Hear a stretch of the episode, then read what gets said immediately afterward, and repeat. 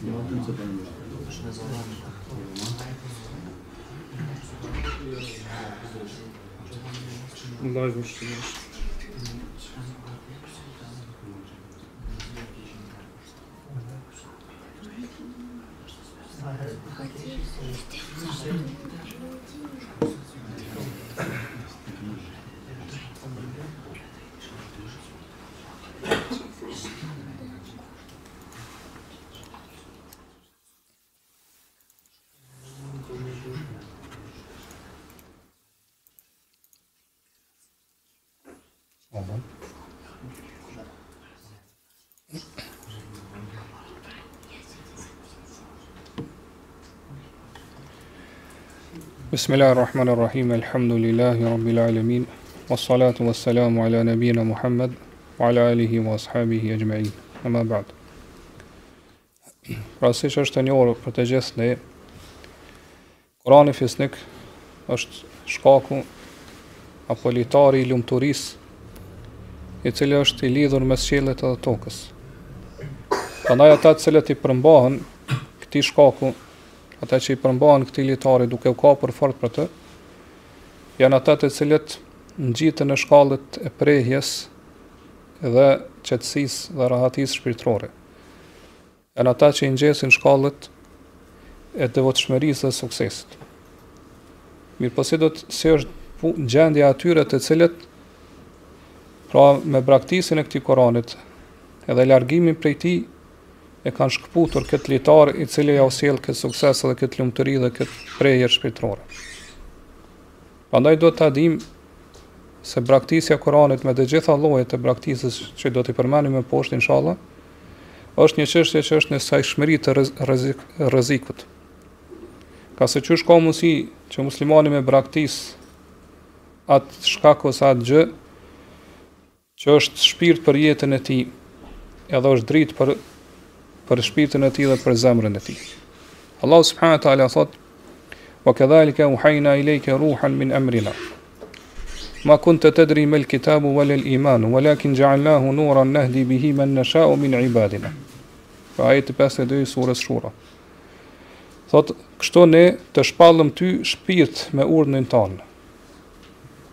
Pra Allahu subhanahu wa taala Kur'anin po e quan që është shpirt. Ngase asgjë nuk i jep jetë zemrës së njeriut përveç Kur'anit. Thotë ti vetëm më herët nuk e ke ditë se çka është Kur'ani, çka është libri, shpallja, as çka është imani. Mirëpo ne këtë Kur'an e bëmë dritë përmes së cilës e udhëzojmë atë që dëshirojmë prej robërve tanë. Pra si ka mundësi që besimtari muslimani me braktis atë që është shkak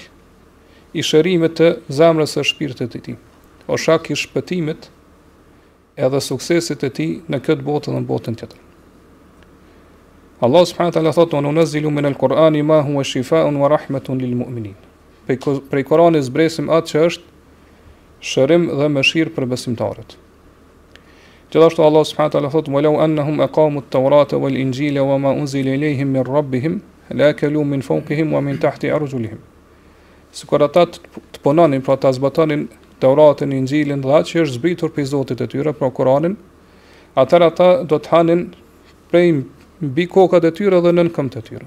Pra do t'u vinte rrisku dhe bereqeti i Allahut subhanahu teala nga gjitha anët. Prandaj braktisja e Kur'anit është një fatkeqësi e madhe që e godet si shpirtin, po ashtu edhe trupin dhe mendjen e njeriut. Dhe në anën tjetër vazhdimësia në leximin e Kuranit është rrugë përmes së cilës pra ndriçohen shpirtat tanë, përmisohen e arrin selametin trupat tanë, shpëtimin, edhe kthjellësohen, pra kthjellëohen edhe pastrohen mendjet tona. Për këtë arsye Allahu subhanahu wa taala na ka paralajmëruar prej braktisjes së Kuranit. Dhe këtë na ka paralajmëruar duke përmendur ankesën që e ka pas vetë pejgamberi sallallahu alaihi wasallam, pra që ia ka drejtuar Zotit të tij Allahut subhanahu wa Siç ka në surën Furqan ajetin 30 Allahu thotë wa qala ar-rasulu ya rabbi inna qaumi ittakhadhu hadha al-qur'ana mahjura. Dhe i dërguari tha O Zoti im vërtet populli im e braktisi këtë Kur'an ose e shpërfilli këtë Kur'an si diçka domthon të parëndësishme. Edhe pse ky ajet realisht flet për qysh e pamë për ankesën që pejgamberi sallallahu alajhi wasallam ka ja ka bër parashtru Allahut për braktisën që e ka bër populli i tij, pra jobesimtarët, mushrikt. Pra që ata kanë braktis Kur'anin duke mos e besuar edhe duke mos e, e vërtetuar pra lajmet e Kur'anit. Mirëpo njëjtën kohë, do në këtë ajet, apo në kuptimin e këtij ajetit përfshin edhe llojet e tjera,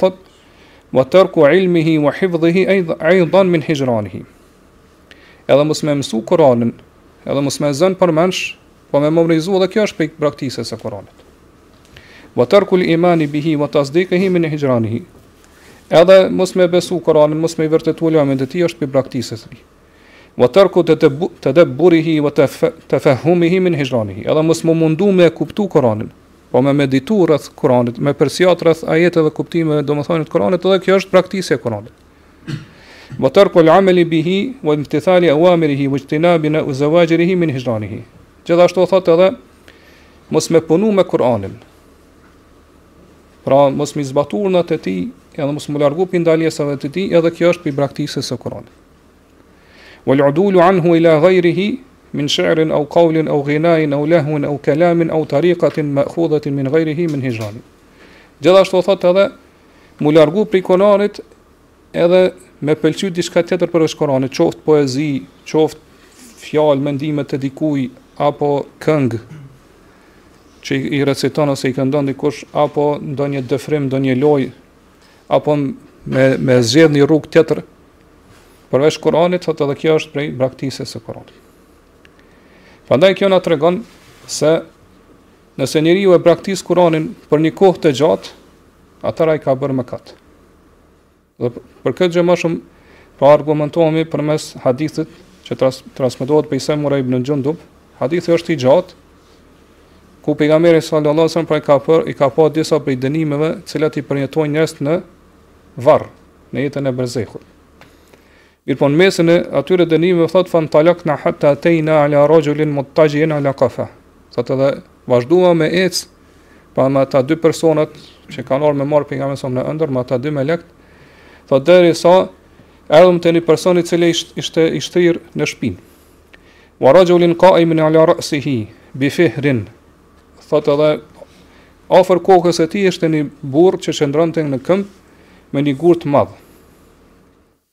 Fa jesh dhe hubihi rase hu, dhe me cilin thot, e godiste dhe ia çante kokën e tij. Thot edhe sa herë e godiste, ai guri rrokullisej, largohej më, më tutje. Thot edhe ky personi, që ishte në këmbë, thot, shkonte e merrte atë gurin, derisa kthehej, thot, këtij i kthehej koka prap, pra në, në gjendje normale. Thot edhe ai vazhdonte me e godiste prap, dhe kështu thot, përsëritej vazhdimisht këtë dënim.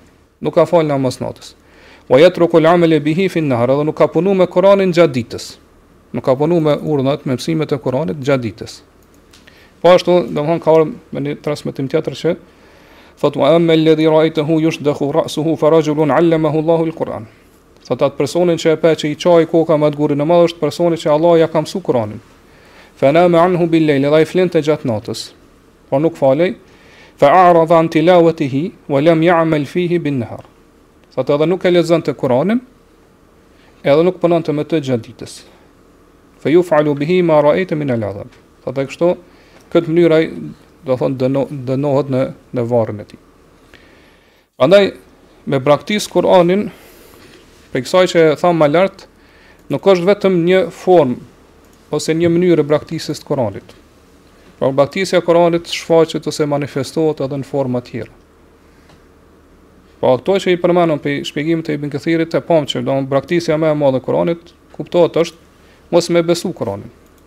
Këtu pastaj hyn me fol keq për Kuranin, apo mu tall me Kuranin, me nënçmu ose me fol fjalë t'rana për Kuranin, për shembull, qysh kanë vepru mushrikët e Mekës që kanë thonë është magji ose është poezi, ose me thonë janë prallat e popujve të mëhershëm.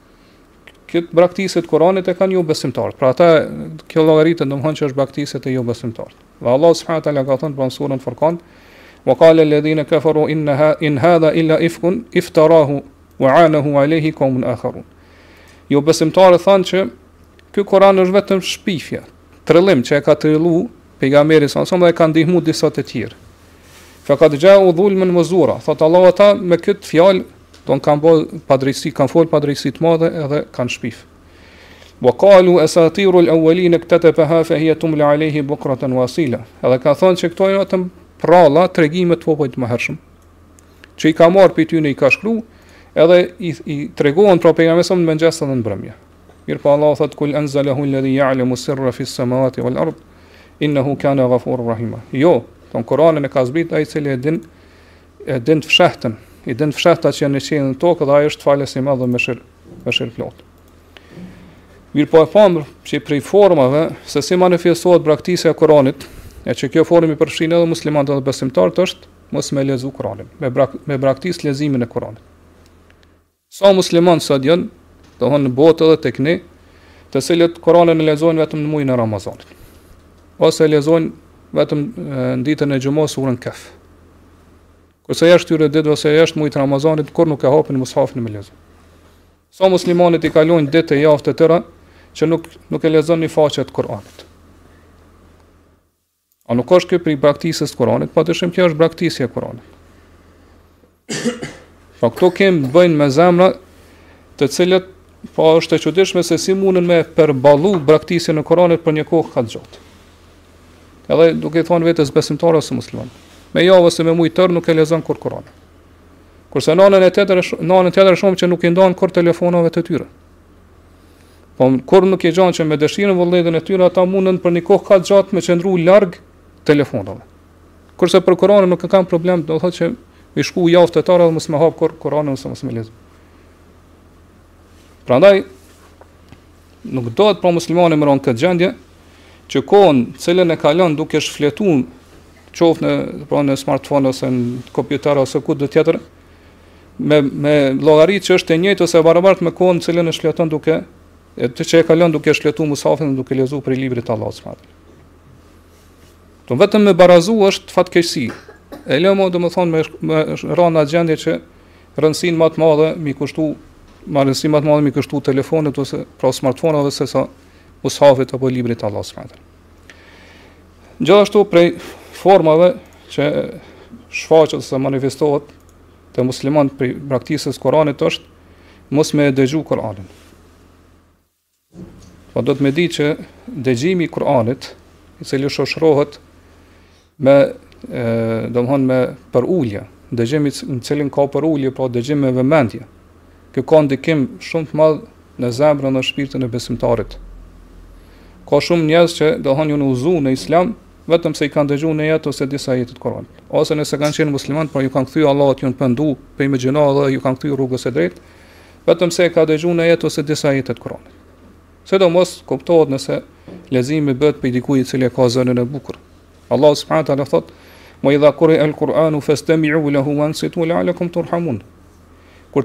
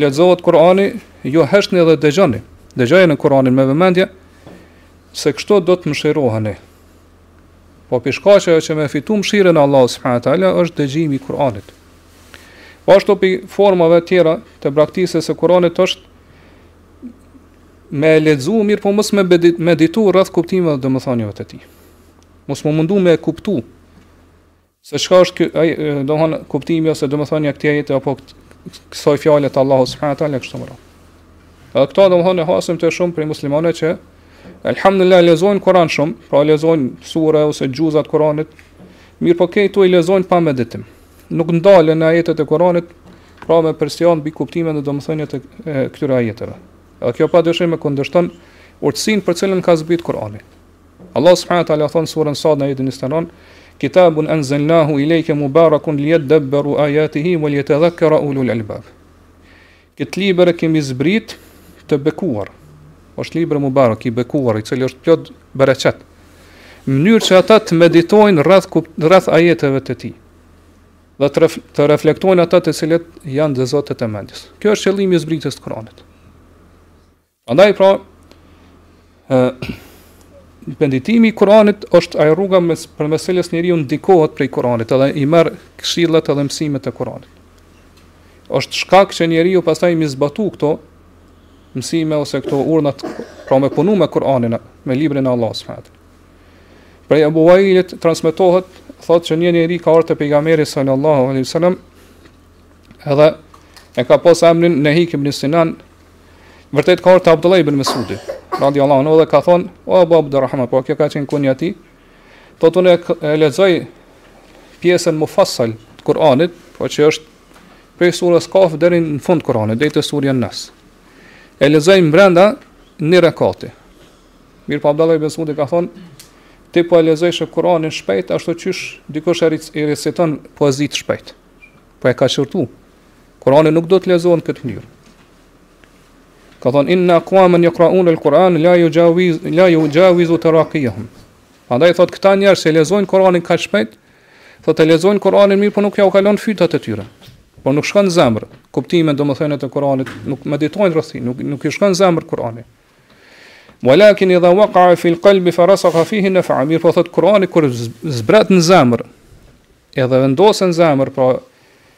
I lëshon rrënjët e tij në zemër, thotë kjo i bën dobi njeriut. Kjo është domthonë ajo gjë që të bën ose e, pra i veprimi që të bën dobi kur të lexon Kur'anin. Prandaj do të meditojmë një çështje shumë të rëndësishme, e që është se shejtani mundohet me gjitha mundësit që i ka, që ja ka lënë Allahu subhanahu teala, pra ai jep mundin e tij maksimumin e tij që njeriun me hutu edhe me pengu pi leximit Kur'anit. Mirëpo nëse nuk e arrin këtë qëllim, trego, pra është i dobët dhe nuk arrin që me mposhtë besimtarin dhe me largu pi leximit Kuranit atëherë mundet me mundohet me hutu që mos me meditu rreth Kuranit. Po gjatë leximit Kuranit mos me pas mendjen aty ose zemrën në lexim të Kuranit. Dhe këtë e ka përmend dietari i njohur ibn Hubejra, Allahu e mëshiroftë, i cili ka thënë: Min mekajidi shejtan tenfiruhu ibadallahi min tedebburil Kur'an. Pi kurthave intrigave që i bën shejtani, ndaj robëve të Allahut është që i largon ata ose ja bën të padëshiruar meditimin e Kuranit.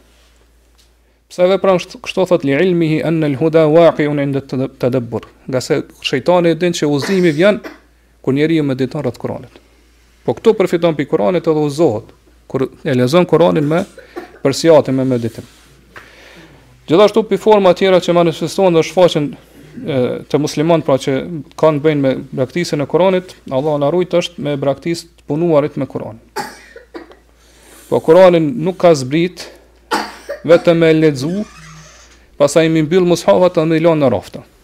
Edhe kaq me përfundu lidhja jonë me Kuranin. Mirëpo Kurani ka zbrit që me qenë kushtetutë e jetës tonë. Manual, kushtetutë, që na, na tregon se si me, bo, si me jetu jetën tonë në të gjitha fushat e jetës. Po Kurani ka zbrit që ai me na shoqëru neve qoftë në jetën tonë private apo publike. Me na shoqëru neve në fjalët e tona, në veprat e tona, në situatat që na kalojnë, gjendjen, qëndrimet tona e kështu me radhë. Ky është ai fikhu të cilin e kanë kuptu selefu salih, pra të parët tanë të mirë, besimtarët e devotshëm pi sahabëve dhe gjeneratave të para, edhe kanë punu me të.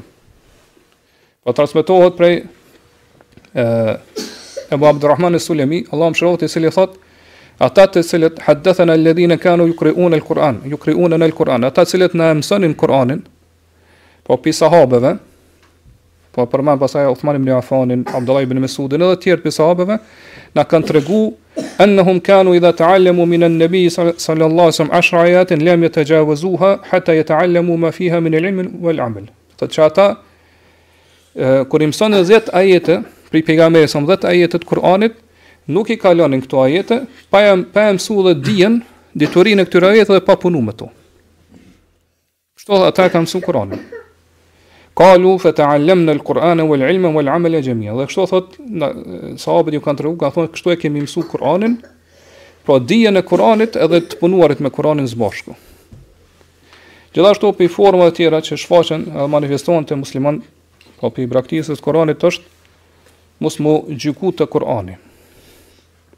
Po Kurani dhe Suneti, qysh e tha ma lart, janë kushtetutë për muslimanët.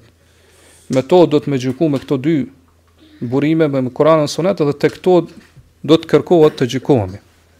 Po muslimani nuk më nuk guxon me u largu pi Kur'anit dhe Sunetit dhe me kërku diçka tjetër përveç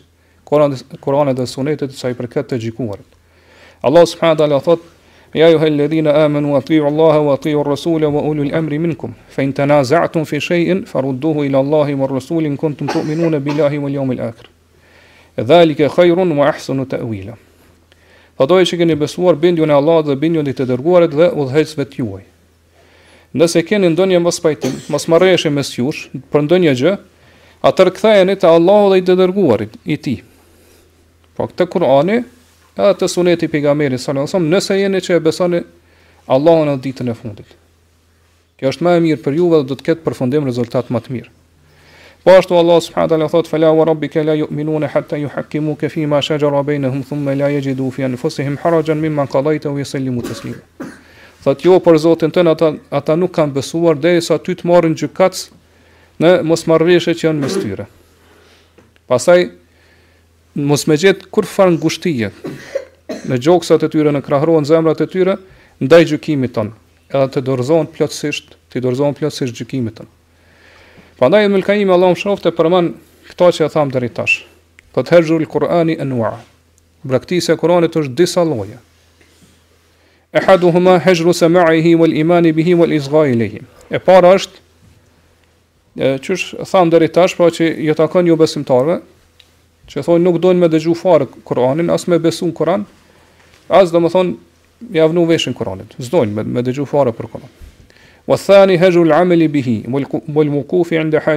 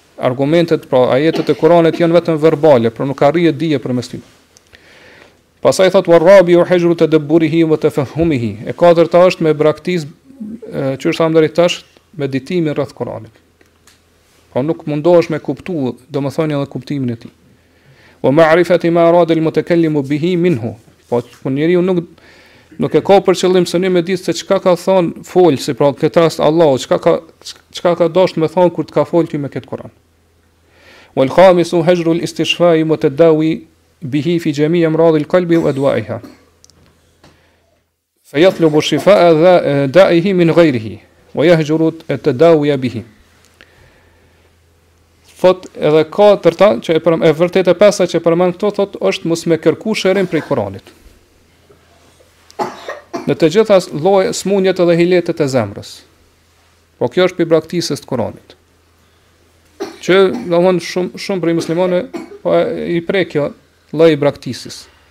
Domethonë që shërimin e smundjeve të zemrës dhe hileteve të zemrës që i ka, problemeve po me zemrën e tij, nuk e kërkon shërimin e këtyre smundjeve pi Kur'anit, mirëpo thotë e kërkon pi dikujt tjetër ose pi burimeve të tjera.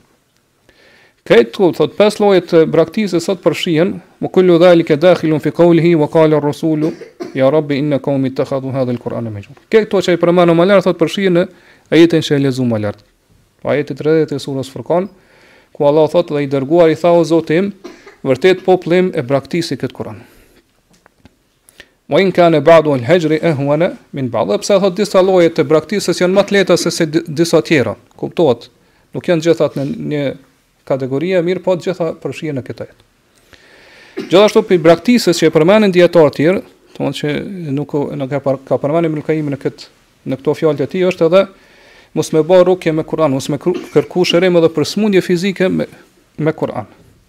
Kurse vetë pejgamberi sallallahu alajhi wasallam është ai i cili pra i ka bërë rukje vetes me Kur'an, po ashtu po ashtu i ka bërë rukje Hasanit dhe Husajnit, pra nipave të tij po ashtu edhe i ka mësu sahabët që me i bërë rukje vetes, pra me kërku shërim, duke i bërë rukje vetes përmes Kur'anit.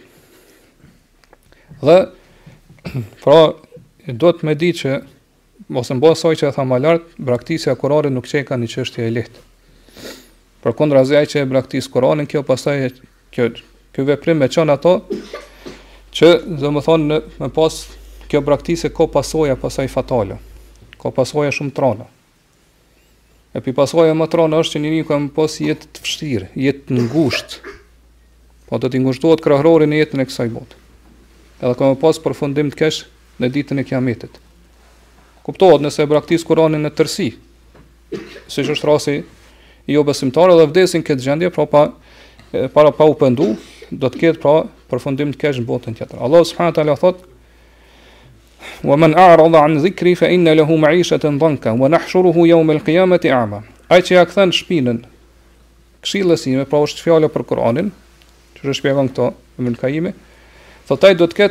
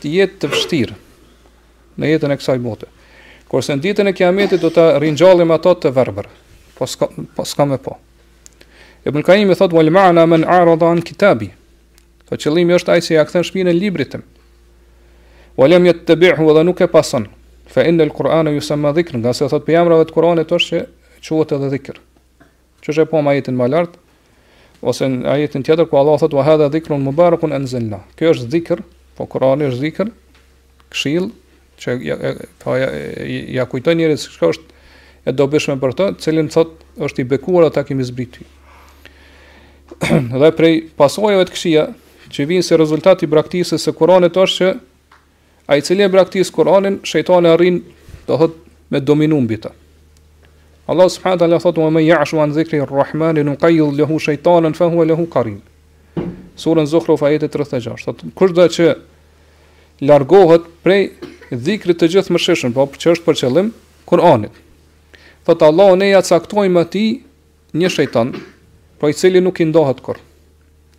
Disa komentues të Kur'anit kanë thënë qëllimi është se kush largohet, siç thamë, pra dhikri i Rahmanit Gjithëmëshirshëm është për qëllim Kur'ani, për shkak se është preokupuar shumë me të mirat e kësaj bote. Po është zhytur thellë në kënaqësitë kalimtare të kësaj bote, edhe nuk e ka kthy kokën fare ka Kurani atëherë, po nuk e ka njoft Kur'anin si si i vërtet, apo e ka ditë që është i vërtet mirëpo i ka mbyll sytë qëllimisht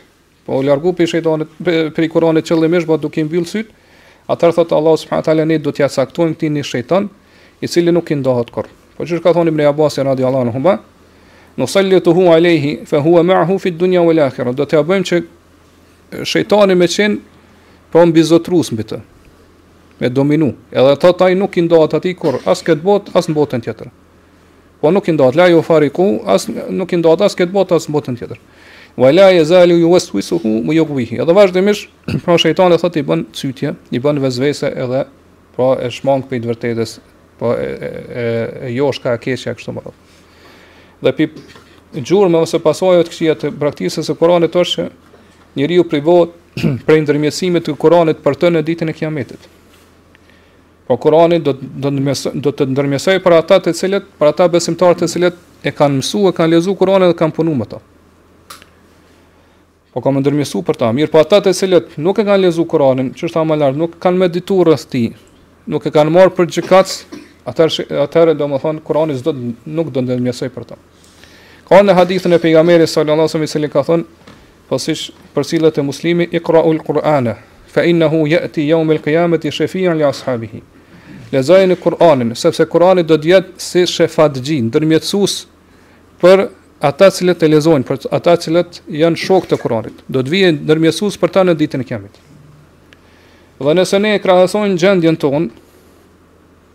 ose në gjendjen e shumicës prej neve, me gjendjen e selefit, selefu salih, pra atyre gjeneratave të para të mira të besimtarëve që ne pra e, pretendojmë ose e, domethënë lavdrohemi që jemi pasues të tyre.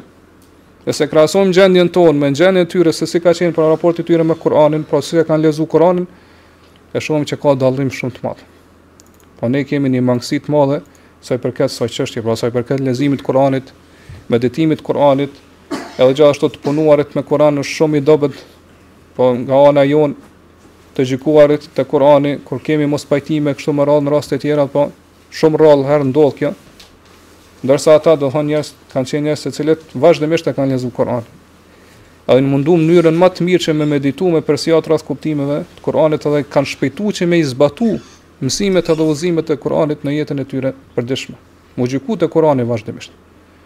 Këtu mundem me përmend vetëm se domethënë për këto ka ngjarje ose histori të shumta që dëshmojnë për këto mundem, mundem me përmend vetëm një ngjarje që ka ndodhë me Ebu Bekrin radijallahu anhu dhe është rasti kur Do thonë munafikët kanë shpif për nderin e Aishës radhiyallahu anha, për bashkëshorten e pejgamberit sallallahu alaihi wasallam dhe që ka qenë vajza e Abu Bekrit siç dihet.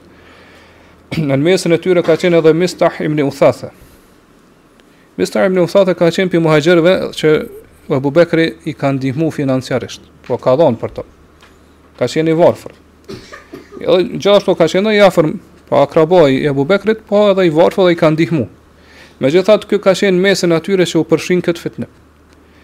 edhe Aisha radiuallahu anha tregon thot kur ka zbrit Kur'ani dhe ka zbrit domethënë me që më ka pastru prej kësaj shpifje, Abu Bekri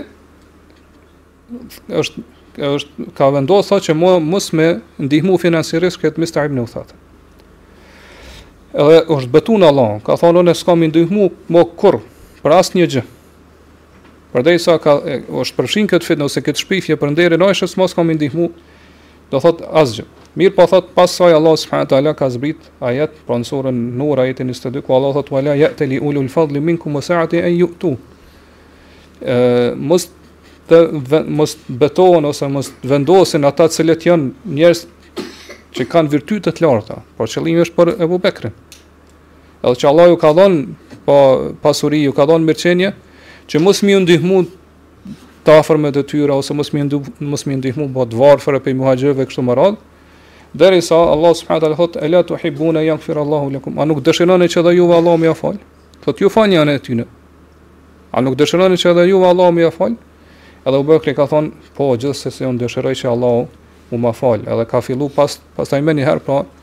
Edhe pse u betu në Allahun, ka fillu me pra me shpenzu ose me ndihmu financiarisht këtë Mistah ibn Uthatha. Pra kështu e pamë se si Abu Bekri arriti që me triumfu, me dominu mbi nefsin e tij, edhe menjëherë me e zbatu pra këtë urdhër ose këtë